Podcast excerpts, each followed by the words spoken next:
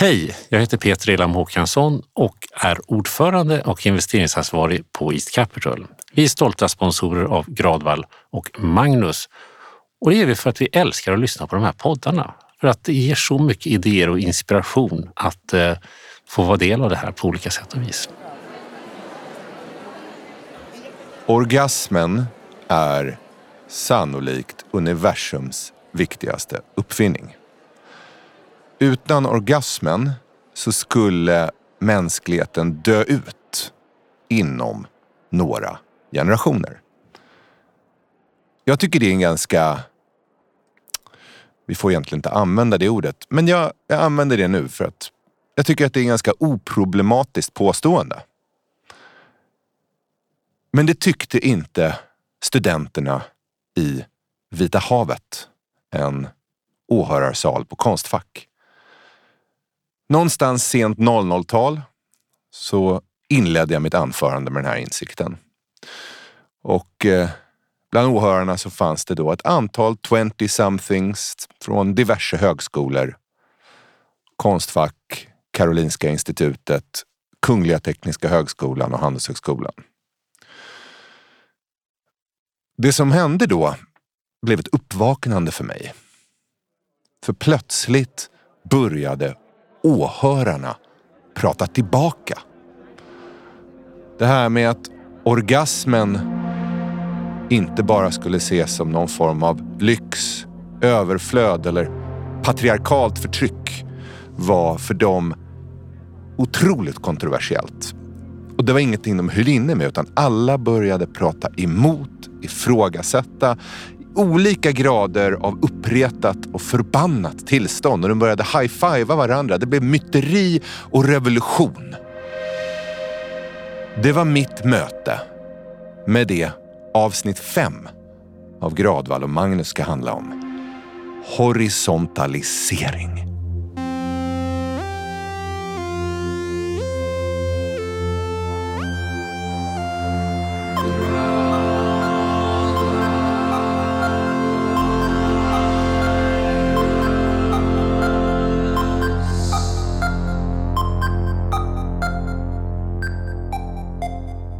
Horisontalisering.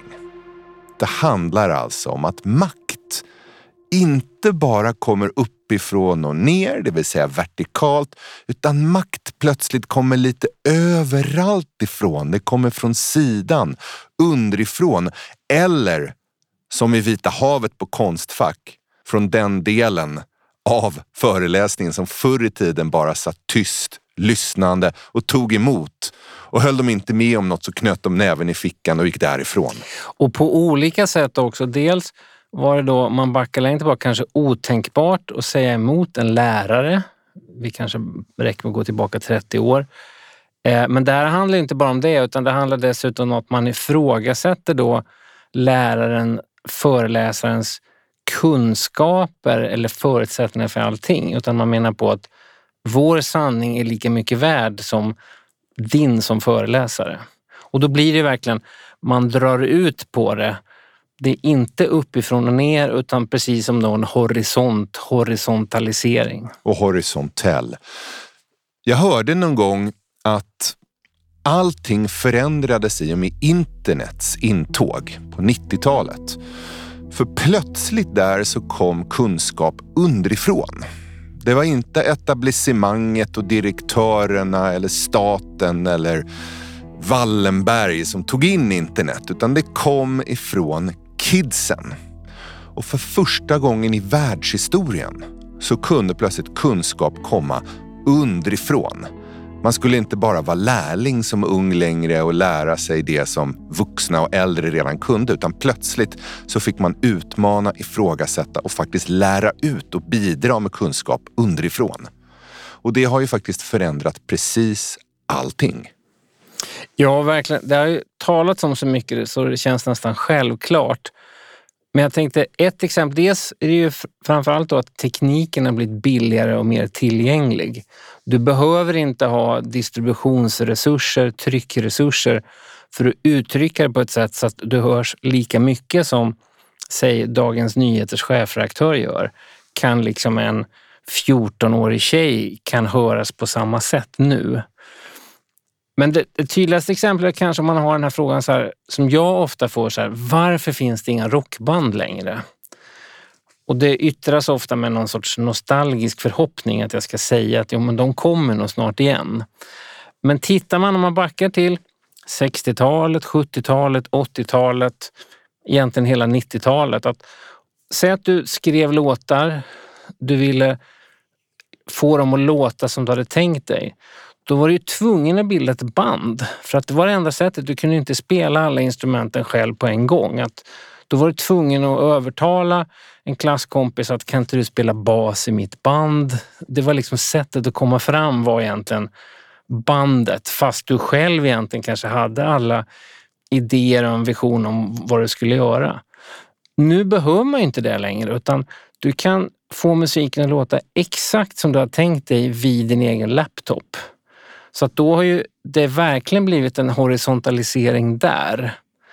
Eh, och det är därför, det är egentligen huvudorsaken till att band finns inte längre, för att de behövs inte helt enkelt. Både för och nackdelar. En fördel är kanske att vi slipper album där basisten har skrivit en låt och trummisen har skrivit en låt. Det var ju ofta så det gjordes för att bandet skulle hålla ihop och inte splittras. Nackdelen är ju att vi kanske inte får situationer som, som Beatles, som då egentligen var ju då två kreativa dynamon, John Lennon och Paul McCartney, och som var tvungna att ta in två till för att det skulle låta som ett band. Och det visar sig plötsligt att en av dem, då George Harrison, på slutet skriver lika bra låtar som de andra gör. Det missar man ju när man inte har band.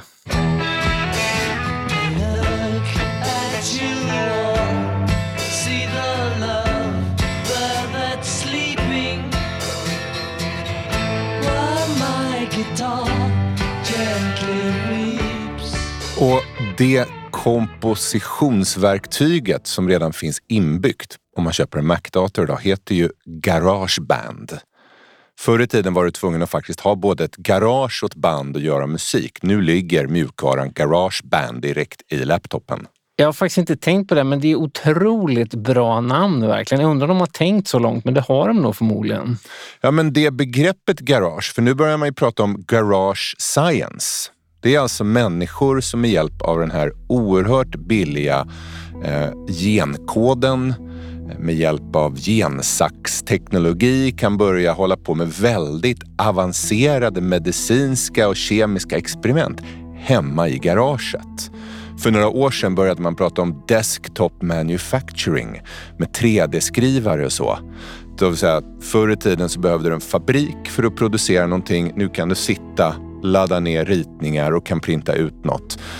Det har ju föranlett en stor debatt i USA om så kallade Ghost Guns oregistrerade vapen som någon alltså har suttit 3D-printat hemma. Och det är alltid där man brukar då känna oj, oj, oj, det här är nog ett hot. Men då kan man ju alltid tänka, en gång i tiden var ju liksom köttknivar en ny innovation och då sa nog folk, herregud, det kan vi ju inte ha på alla restauranger, då kommer ju gästerna börja hugga varandra. Neil Ferguson, en skotsk historiker, han har beskrivit den här dynamiken utifrån två symboler. Tornet och torget. The Tower and the Square. Och han har tagit den metaforen från Verona där Gardello-tornet reser sig precis bredvid Erbetorget. Och torget är så att säga synen på ett nätverk, individer som kan göra saker tillsammans med varandra i grupp och rörelse tornet blir symbolen för hierarkin. Eh, infrastrukturen, skivbolaget förr i tiden. Makten talar ner liksom, och så de på torget tar emot det tornet förmedlar. Ja, och förr i tiden var ju tornet det viktiga. Torget har alltid funnits men tornet var det man behövde förhålla sig till och det kan man se i arkitektur Kanske det tydligaste exemplet om man vill gå långt tillbaka i tiden, det är katedralen i Reims i Frankrike, byggd på 1300-talet. För den är gigantisk. En av världens största religiösa byggnader. När man står utanför den som, som enskild individ så känner man, jag är liten, religionen är stor. Och det var ju syftet med den också. Och det är även syftet med många bankbyggnader. Beger man sig till Handelsbankens huvudkontor vid Kungsträdgården i Stockholm så går man in och känner banken är stor, jag är liten. Och 1900-talet handlade ju ganska mycket om att bygga institutioner. Vi byggde banker, skivbolag och mediavarumärken och MTV och Dagens Nyheter. Um, vi byggde nationer. Alltså I 1900-talets början så fanns det 80 nationer ungefär. Vid 1900-talets slut fanns det över 200. Så det var hela 1900-talet. 2000-talet har ju handlat om att bygga små decentraliserade verktyg. Garageband, 3D-skrivaren eller en av de mest kittlande hela kryptovalutor. Det finns ingen riksbank, det finns ingen armé som garanterar den här valutan. Det är helt decentraliserat. Och det speglar också, för hela då kryptovalutor, bitcoin, det är ett resultat av att det sitter människor utspridda och fäller upp sin, sin laptop. Att allting sker ju bokstavligen då via nätet. Jag tänkte på ett exempel till från musikbranschen. Nu har man ju förstått så att säga att det internet har ju förändrat musikbranschen. Det förstår alla. Men jag tror inte man förstår vidden av det riktigt. Jag intervjuade en ung musikproducent i Malmö som bor på Möllan i Malmö och sitter i sitt pojkrum där, sina föräldrar och gör beats som han säljer då till amerikanska rappare. Han har fem låtar med på Polo G's senaste album som toppade Billboard. Den här 20-årige killen heter underbart nog Harry Potter. På riktigt? På riktigt. Han är döpt. Hans föräldrar heter Potter och när han föddes 2001 så var det Harry Potter-feber. Föräldrarna tänkte okej, okay, vi döper sonen till Harry. Men inte bara att han sitter och gör allting hemma. Han har aldrig träffat de här rapparna som han gör beats hos. Han började med musik då för två år sedan. Han har levt hela sitt liv i datorn spelat enormt mycket Counter-Strike och var väldigt duktig i det. Sen började han redigera med datorn, att han gjorde egna små filmer och redigerade inslag från turneringar med e-sport och liksom lärde sig att uttrycka sig i datorn. Och sen bara tänkte han, musik låter ju spännande, vad händer om jag testar det här? Och där blir det verkligen att han på ett sätt som är provocerande för övriga musikbranschen där man är van vid att det ska vara uppifrån och ner en så att säga vertikal struktur. Att du måste spela ett instrument, du måste ha lagt ner si så många timmar i replokalen, du kanske måste ha gått musikskolor som i den klassiska världen. Nej, då kommer Harry Potter in och har bara suttit vid sin dator. Just därför så gör han beats och musik som passar sig mycket bättre än vad de andra gör. För att han lever i den värld där vi kommer lyssna på musiken. Alla kommer lyssna på han den Han är en del av torget och det exakt, du beskriver exakt. där. Tornet vill, kräver utbildning, formalia, kontraktsifyllnad, eh, lojalitet till ett visst skivbolag eller liknande. Han rör sig på torget. Ja. Och den dimensionen, jag vet senaste året har den ungerska biokemisten Katalin Kariko uppmärksammat ganska mycket. Hon började sent 80, tidigt 90-tal och intressera sig för messenger RNA. Alltså den här delen av DNA, alltså DNA, DNA egentligen, det som ligger under det här och insåg ganska tidigt att här finns det otroligt stor potential. Kan jag diktera vad DNA ska göra med hjälp av att kontrollera mRNA, då kan det leda till all form av läkemedelsutveckling och det man kallar för immunterapier idag, vanligt i cancer. Och hon kände nog själv att hon var på väldigt bra plats och på god väg att kanske till exempel bli professor på Pennsylvania State där hon var verksam. Men hon passade inte in i torgets, eller tornets mall, förlåt, hierarkin. För där ska man vara man i tornet. Dels det och sen så gäller det ju att ha stipendieansökningar, publish or perish. Så istället för att få den här professorstiteln så degraderades hon, vilket kan vara förödande för forskare. Men hon gav inte upp. Och senaste åren så har alla hennes upptäckter och det hon kämpade vidare träget för, alltså 20 års slit bakom kulisserna i gyttret på torget, inte i ett fint Ivory Tower, har lett till fantastiska resultat. Både vaccinutveckling under pandemin, hon förutspås vinna Nobelpriset. De andra två som man pratar om som har hållit på med då liknande saker, mRNA och vann Nobelpriset förra, förra året, är ju då två kvinnor, Doudna och Charpentier. De är ju också på samma sätt, de har inte gått den traditionella vägen och där spelar nog könet en del roll för att att helt plötsligt torget har blivit möjligt att uttrycka sig ju mer den smartaste vinner snarare än den som står högst upp i tornet. Ja, och det Kariko har sagt i intervjuer är att vetenskapspersoners egon i etablissemanget står oerhört ofta i vägen för nya upptäckter och, och den vidare. Och det är ju alltid tornets instinkt. Det händer något där nere som jag inte kan kontrollera. Det måste jag förbjuda. Det måste jag reglera. Vi måste stänga ner Napster. Vi måste reglera kryptovalutor. Det här kan inte stämma, för om det hade stämt så hade vi redan tänkt på det. Det är den här dynamiken mellan tornet och torget som är så spännande. Och det är just horisontaliseringen betyder ju då, så som vi beskriver, att torget tar mer makt. Torget blir mäktigare. Tornet är ingalunda oviktigt, åtminstone inte just nu, men det är på torget det börjar hända. Jag tänker på det när du pratar om, man måste nästan säga bitskaparen Harry Potter, så folk inte förväxlar det med trollkarlen. Eh, Han är en annan slags trollkarl. Ja, det, men det finns ju ett berömt citat. Gatan hittar alltid sin egen användning för teknologi. Man sitter ju gärna i fokusgrupper och eh, direktionsrum och tycker det här ska människor använda det här till. Det är lite som det här Jurassic Park-citatet som Jeff Goldblums ma matematiker säger. I'm simply saying that life uh, finds a way. Gatan finds a way. Exakt så. Makt idag behöver ju inte längre komma ovanifrån utan det kan komma var som helst ifrån egentligen. Vilket vi ser på många olika områden. Inte minst inom vad det gäller aktier och sånt, att det är så många, det har verkligen demokratiserats. Eh, om man nu kan använda det uttrycket. Vad, vad, vad, tycker du om den här utvecklingen om att aktier kommer inte längre uppifrån och ner, att det är sån horisontalisering där också, att alla håller helt plötsligt på med aktier?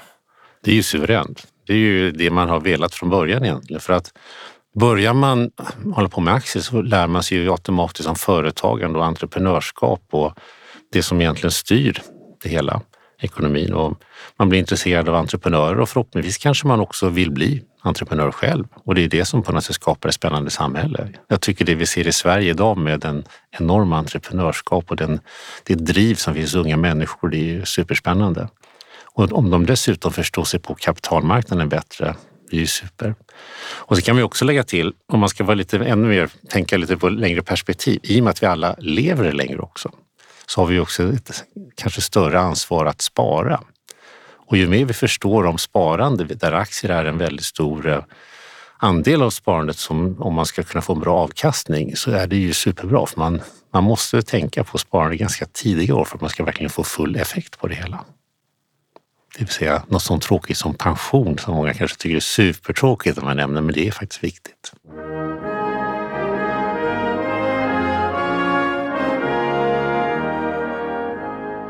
Sverige har alltid varit lite mer horisontellt som land än väldigt många andra. Vi har pratat om det tidigare i podden, men syn på barn. Sverige är en av få länder i världen som tar inte bara barn på allvar utan ser barn ofta som lika viktiga som vuxna. Pippi Långstrump till exempel, det är helsvenskt. Det hade inte kunnat komma någon annanstans ifrån. Tar man med sig ett skrikande treåring på restaurang i Tyskland, då får man ofta onda ögat av väldigt många andra gäster. Till och med i grannlandet Finland så är man inte lika horisontell. Där finns det till och med ett ord på finska, härviha, hat mot herrarna. Vilket då vittnar om ungefär liknande Storbritannien eller andra, att det fanns en slags aristokratikultur som man behövde bryta emot.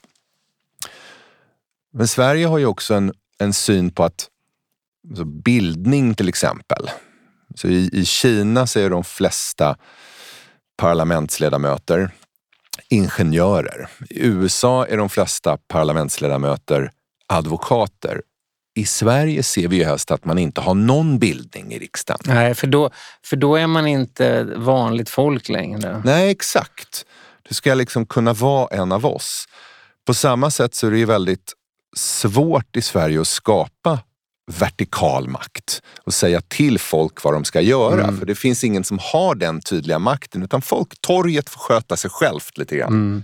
Man kan ge direktiv i det där men, men man kan egentligen inte styra så mycket med hela handen som man kan i ett Frankrike eller ett Brasilien eller liknande. Det är många som har vittnat om det att svenska företag, det är ju mycket mer hierarkiskt i andra länder. Att man lyssnar på vad chefen över säger som i sin tur lyssnar på vad den översta chefen.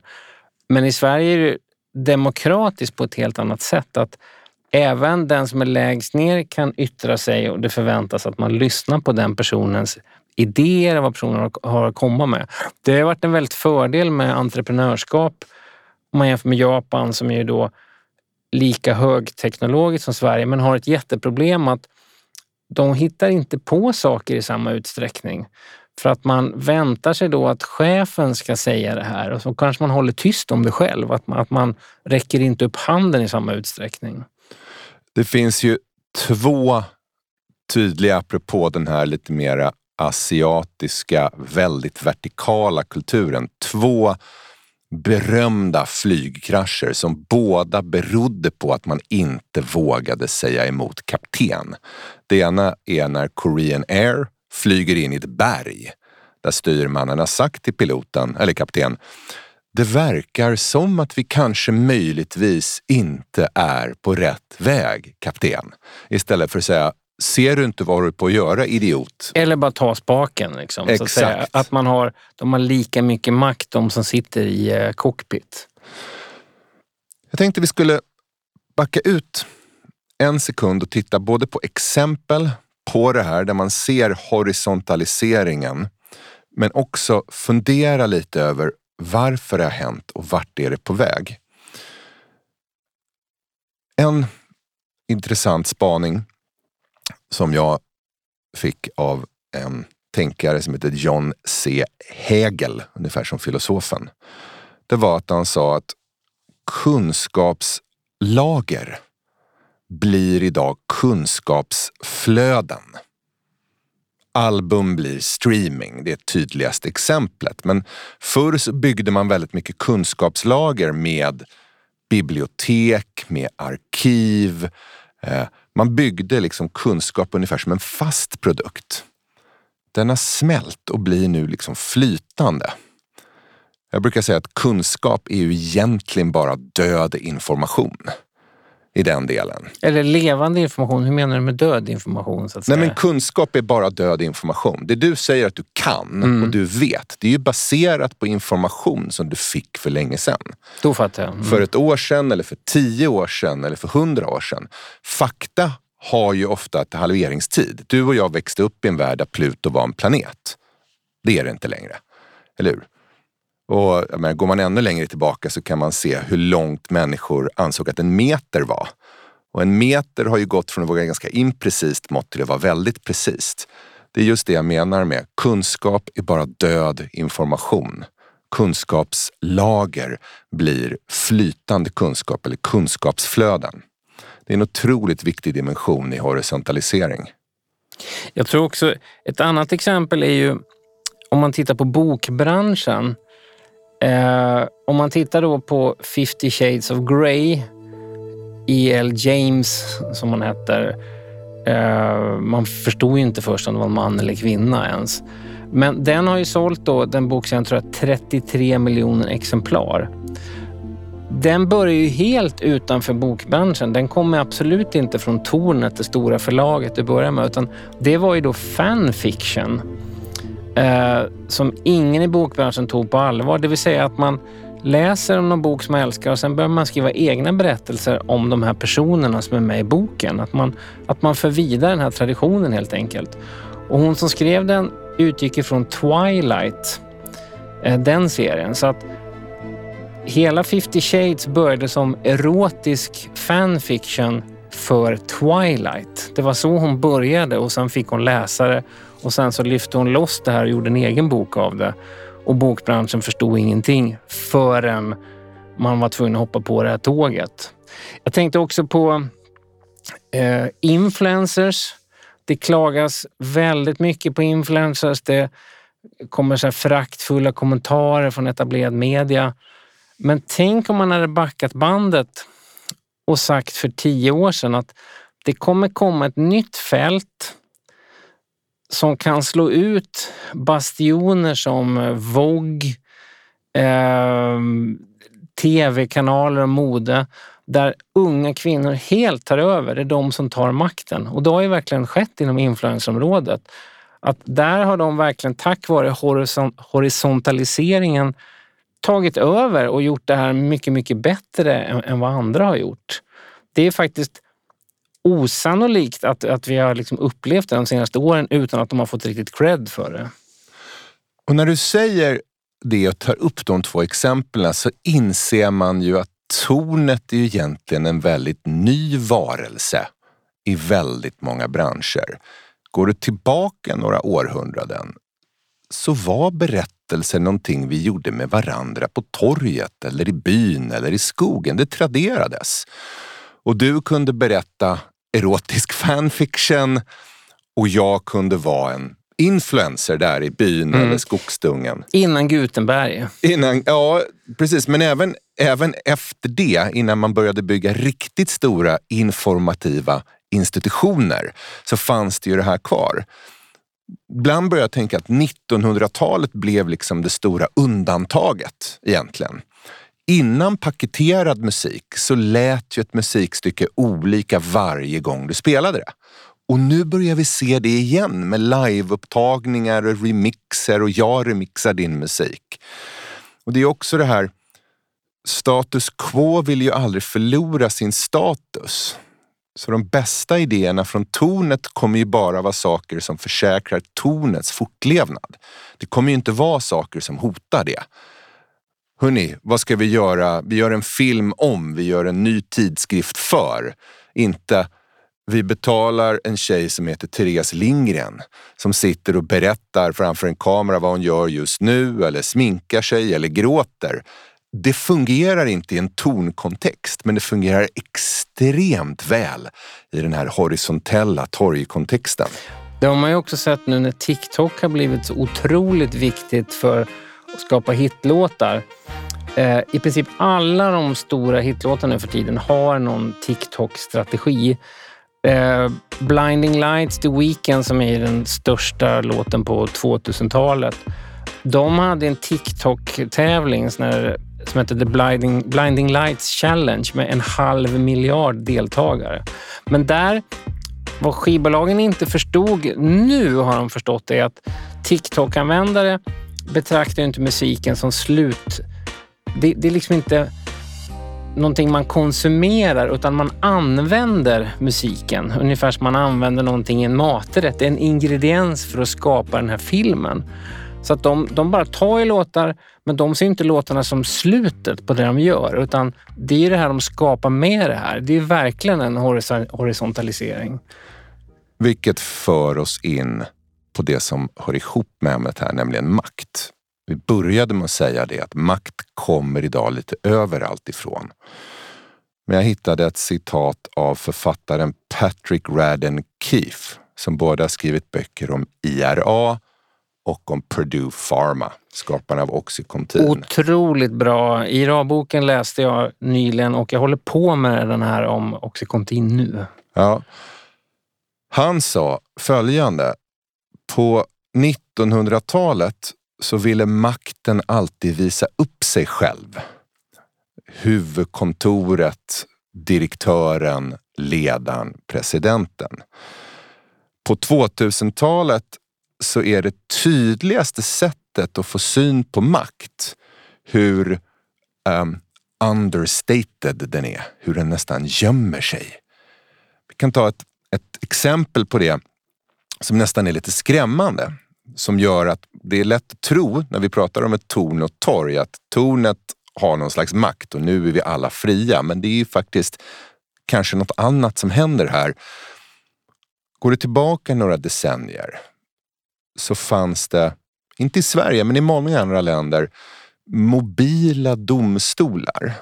Så om du blev stoppad för fortkörning på en motorväg. Just det, mobila domstolar, inte i mobiltelefonsdomstolar Nej, nej, utan nej, flyttbara. Utan flyttbar domstol stod då vid sidan av vägen. Så polisen stoppade dig och frågade hur ställer du dig till att jag anklagar dig för att ha kört för fort? Och du kunde säga jag bestrider det och så fick du där och då en utredning, rättegång, dom och potentiellt ett straff.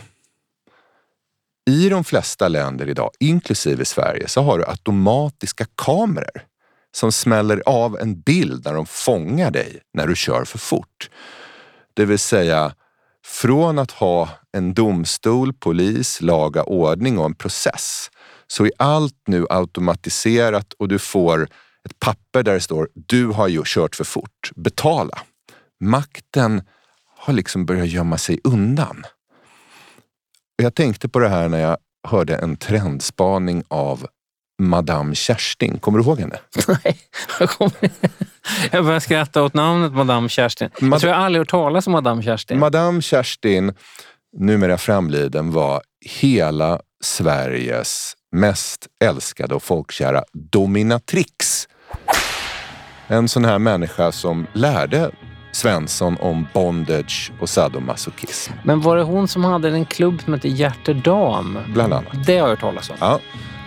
Hon har kommit med en av de mest intressanta trendspaningarna jag någonsin har hört. Shiny, shiny, shiny boots of leather. För hon berättade om alla hennes kunder på de här sadomasochismklubbarna och så sa hon följande, det här var kanske 20 år sedan hon sa det. Ingen vill dominera längre. Alla vill bara bli dominerade. Ingen vill komma in och vara härskarinna eller härskare och trycka ner och stampa, piska. Och, utan alla vill bli uppbundna, upphängda, förnedrade, hånade och piskade. Som är då ett inslag i det här. Det där är ju väldigt intressant för att hon är ju då svensk.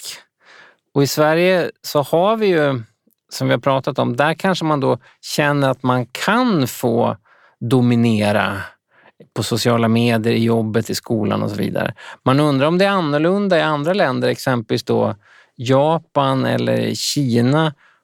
Att eh, där kanske de visst vill dominera mer för att de får inte det alls. Ett stickspår. Det får väl för all del en World Value Survey utreda, men jag har nöstat att det nästan är en global universell lag idag. Att de som säger att de har makt har inte det. Hur många anställda är ni? Ja, men vi är jättestora, vi är typ 40 pers. Då vet man att det jobbar typ fyra personer på det företaget.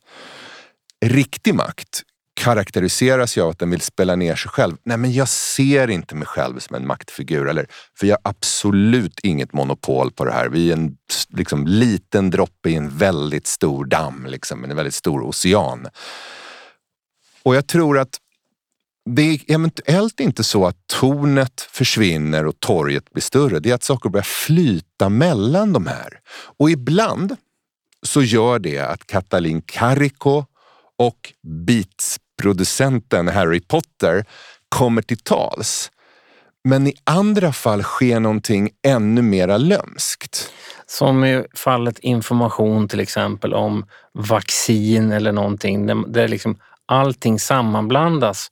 Vad tornet säger, vad den som står bredvid på torget viskar får helt plötsligt lika mycket värde. Ja, eller, eller flytande gränser generellt. Det finns inget som heter kön längre. Att säga till människor att du får definiera dig som vad du vill är bra, men det är skillnad på att säga det och säga kön finns inte. Eller om man ser hur svenskars relation till religion är. För religion finns, men den ser ofta som underordnad individualismen för väldigt många svenskar. Äh, men jag vill liksom, jag är spirituell, jag vill må bra, jag vill kunna äta rätt. Religionen ska göra saker för dig. Den ska liksom vara underordnad. Så din chans att lära dig saker eller kunna anpassa dig eller ta del av visdom från tusentals år blir liksom underordnat det här självförverklingsprojektet. Det var det som var så intressant när pandemin bröt ut. För första gången i väldigt många människors liv så underordnades individen det stora. Vad fan, nu funkar det ju inte. Jag skulle ju åka till Ibiza nästa fredag. För händer det här nu? Jag var ju inbokad på en spelning där. Det var en helt ny och främmande... Människor blev helt chockade. Det som förr i tiden var liksom norm och standard, att underordna sig något som var större. Ibland var det dåligt, ibland var det bra. Fanns, var man till- plötsligt tvungen att göra. Det hade man inte lärt sig. Ingen hade sagt det. Alla hade bara sagt att du och ditt är det speciella. Och det varar ju kanske ett och ett halvt år. Sen dyker det andra upp igen. Det märker man ju om vaccinet, att man säger att det är en solidarisk handling. Du tar vaccinet för dina medmänniskor. Då tycker folk, nej, jag tänker inte göra det. Så att det, det, det känns ju... Det var ett undantag där i 18 månader, men nu är vi tillbaka någon annanstans igen. Och då tänkte jag försöka koppla det, för vi försöker ju ofta se vad betyder det här för oss eller för dig eller för de som lyssnar på podden. Och då tänker jag ofta på åldrande. Därför att idag tror jag att vi dyrkar barnet lite för mycket och ungdomen. Vi tror att skola och skolval är helt avgörande för framtiden. Vi tror och tycker och minns också fel att tonåren, det var en helt fantastisk crazy tid. Våga göra revolution, våga stå upp. Och glömmer då bort vikten av 20-årsåldern. Tänker jag på alla de människor jag stött på som kan karaktäriseras som framgångsrika, oavsett vad du lägger i det, så hade väldigt många av dem varierande barndom och tonår. En del bra, en del dåliga. En del gick i bra skolor, en del gick i dåliga. En del hade bra betyg, en del skolkade. Alla hade gemensamt att det var i 20-årsåldern någonting hände. Det var där de fick syn på något eller träffade på någon eller vågade ta en risk. Det är ofta då, då räcker det inte längre att man har varit bäst i skolan, så att säga, att man har prickat av allting. För att det bygger på att folk ger dig uppgifter och så löser du dem. Men i 20-årsåldern så räcker det inte att lösa uppgifter. Du måste själv hitta på vilka uppgifter som du ska lösa. Det är därför det är en otroligt viktig tid om man kollar bland musiker, eh, i rockhistorien till exempel. Så finns det den här Klubb 27, som den makabert heter. Kända artister som har dött vid 27 års ålder. Vilket är en sanslös lista egentligen då. Amy Winehouse, Kurt Cobain, eh, Basquiat om vi lägger till en bildkonstnär, Janis Joplin, Jimi Hendrix, Jim Morrison, Brian Jones. Där ska man lägga till att Stones var ju inte ett band där Mick Jagger och Keith Richards var ledarna. Det var Brian Jones som var den konstnärliga ledaren de första åren och betraktade Stones som sitt band. Men i alla fall, alla de här dog ju när de var 27. Och då undrar man varför, varför var det just 27? På ett sätt kan man ju då titta att det, det var liksom droger med i de här fallen. Men jag tror också att det är någonting, tittar man på det liv så var det som att de här första sju åren av 20-årsåldern hade bara rusat fram. Och sen så var jag nästan samtidigt de här föll in i djupa depressioner när man inte bara kunde rusa längre och vara 20 och briljant. Då kom kanske barndomsgrejer i, i fatt dem. Och de, de liksom klarade inte av livet och de klarade inte av sig själva. Jag vill minnas från mitt liv och jag vill minnas från massa människor jag träffas att det sker en ganska stor identitetskris. Vi är någonstans 27-28. Det är nästan den första så här, ålderskrisen människor har. För man fäster nästan en mytbildning vid det här 30. Har inte vissa saker hänt då så kommer de andra. Så man drabbas av panik. Så människor kan både bli våldsamt förälskade vid 27, 28 eller våldsamt deprimerade. Men för att gå tillbaka till det här så, så lämnas nog unga lite vind för våg. Hjärnan är ju inte färdigbakad för någonstans vid 25-26. Men de flesta unga, framförallt i länder där man skickar iväg ungdomar på college och universitet, lämnas ju vind för våg vid 17, 18, 19 års ålder. Ännu yngre vad gäller internatskolor och sånt. Exakt, när man egentligen har då 20-årsåldern, en plats att med icke färdigbakad hjärna och den informationsbrist som det medför, men informationsbrist är ju bra. Informationsbrist är suveränt om du ska vara konstnär eller musiker. Eh, man vill liksom inte höra en informationsrik Jimi Hendrix. Det var liksom informationsbristen som gjorde att han ville bara göra vad som helst med sin gitarr som ingen hade gjort förut. Om han hade varit en mer balanserad person hade han inte blivit Jimi Hendrix. Det vanligaste jag har hört från entreprenörer som har lyckats. Hur kunde ni göra det där? Är svaret. Vi visste inte att vi inte kunde göra det. Så man gjorde det och man tog chansen. Så jag tror att det vi försöker säga här är vi rör oss numera i en värld som handlar mer om torget, mindre om tornet. Men det är inte alltid bra. Makten slutar plötsligt att bli synlig som den var i tornet och börjar istället gömma sig, ibland i dunkla vrår och vinklar. Och omfamna då den inre 20-åringen. Den här som lider av young man's syndrome eller young woman's syndrome eller young non-binary syndrome där man med informationsbrist inte förstår att man inte kan göra det. Och därför kanske snubblar på lycka, möjligheter och idéer.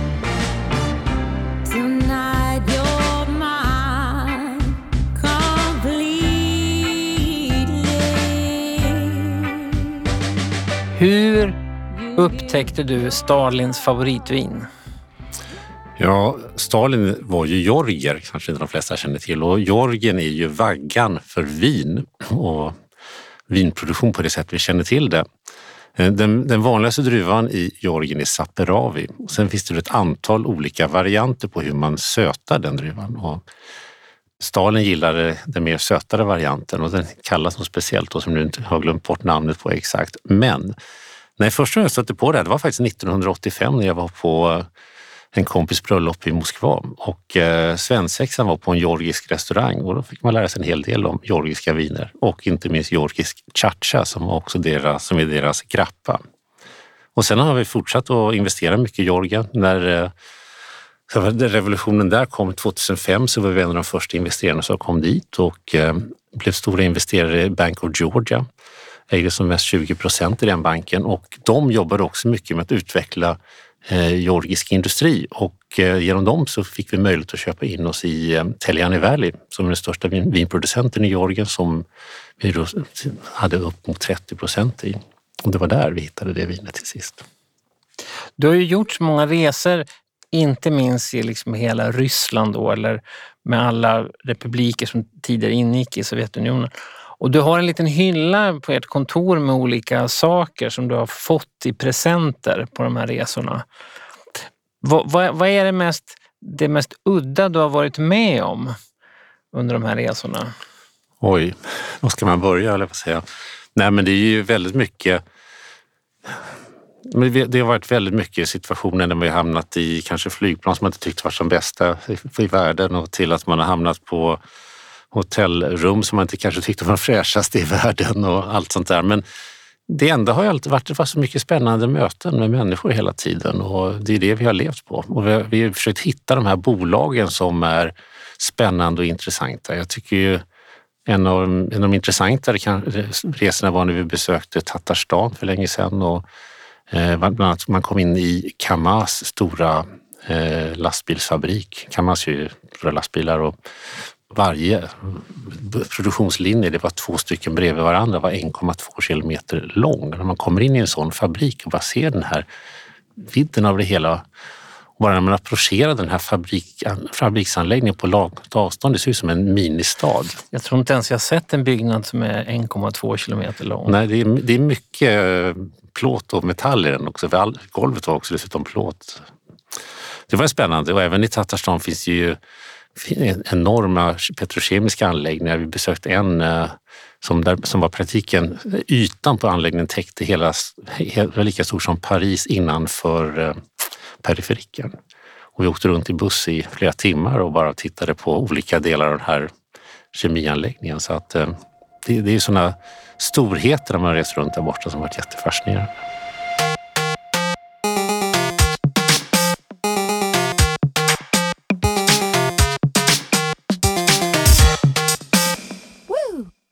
Du har lyssnat på Gradvall och Magnus. Inspelningsstudio A1. Ljudtekniker Jonas Sjöberg. Formgivare Nina Ulmaja, Sponsor East Capital.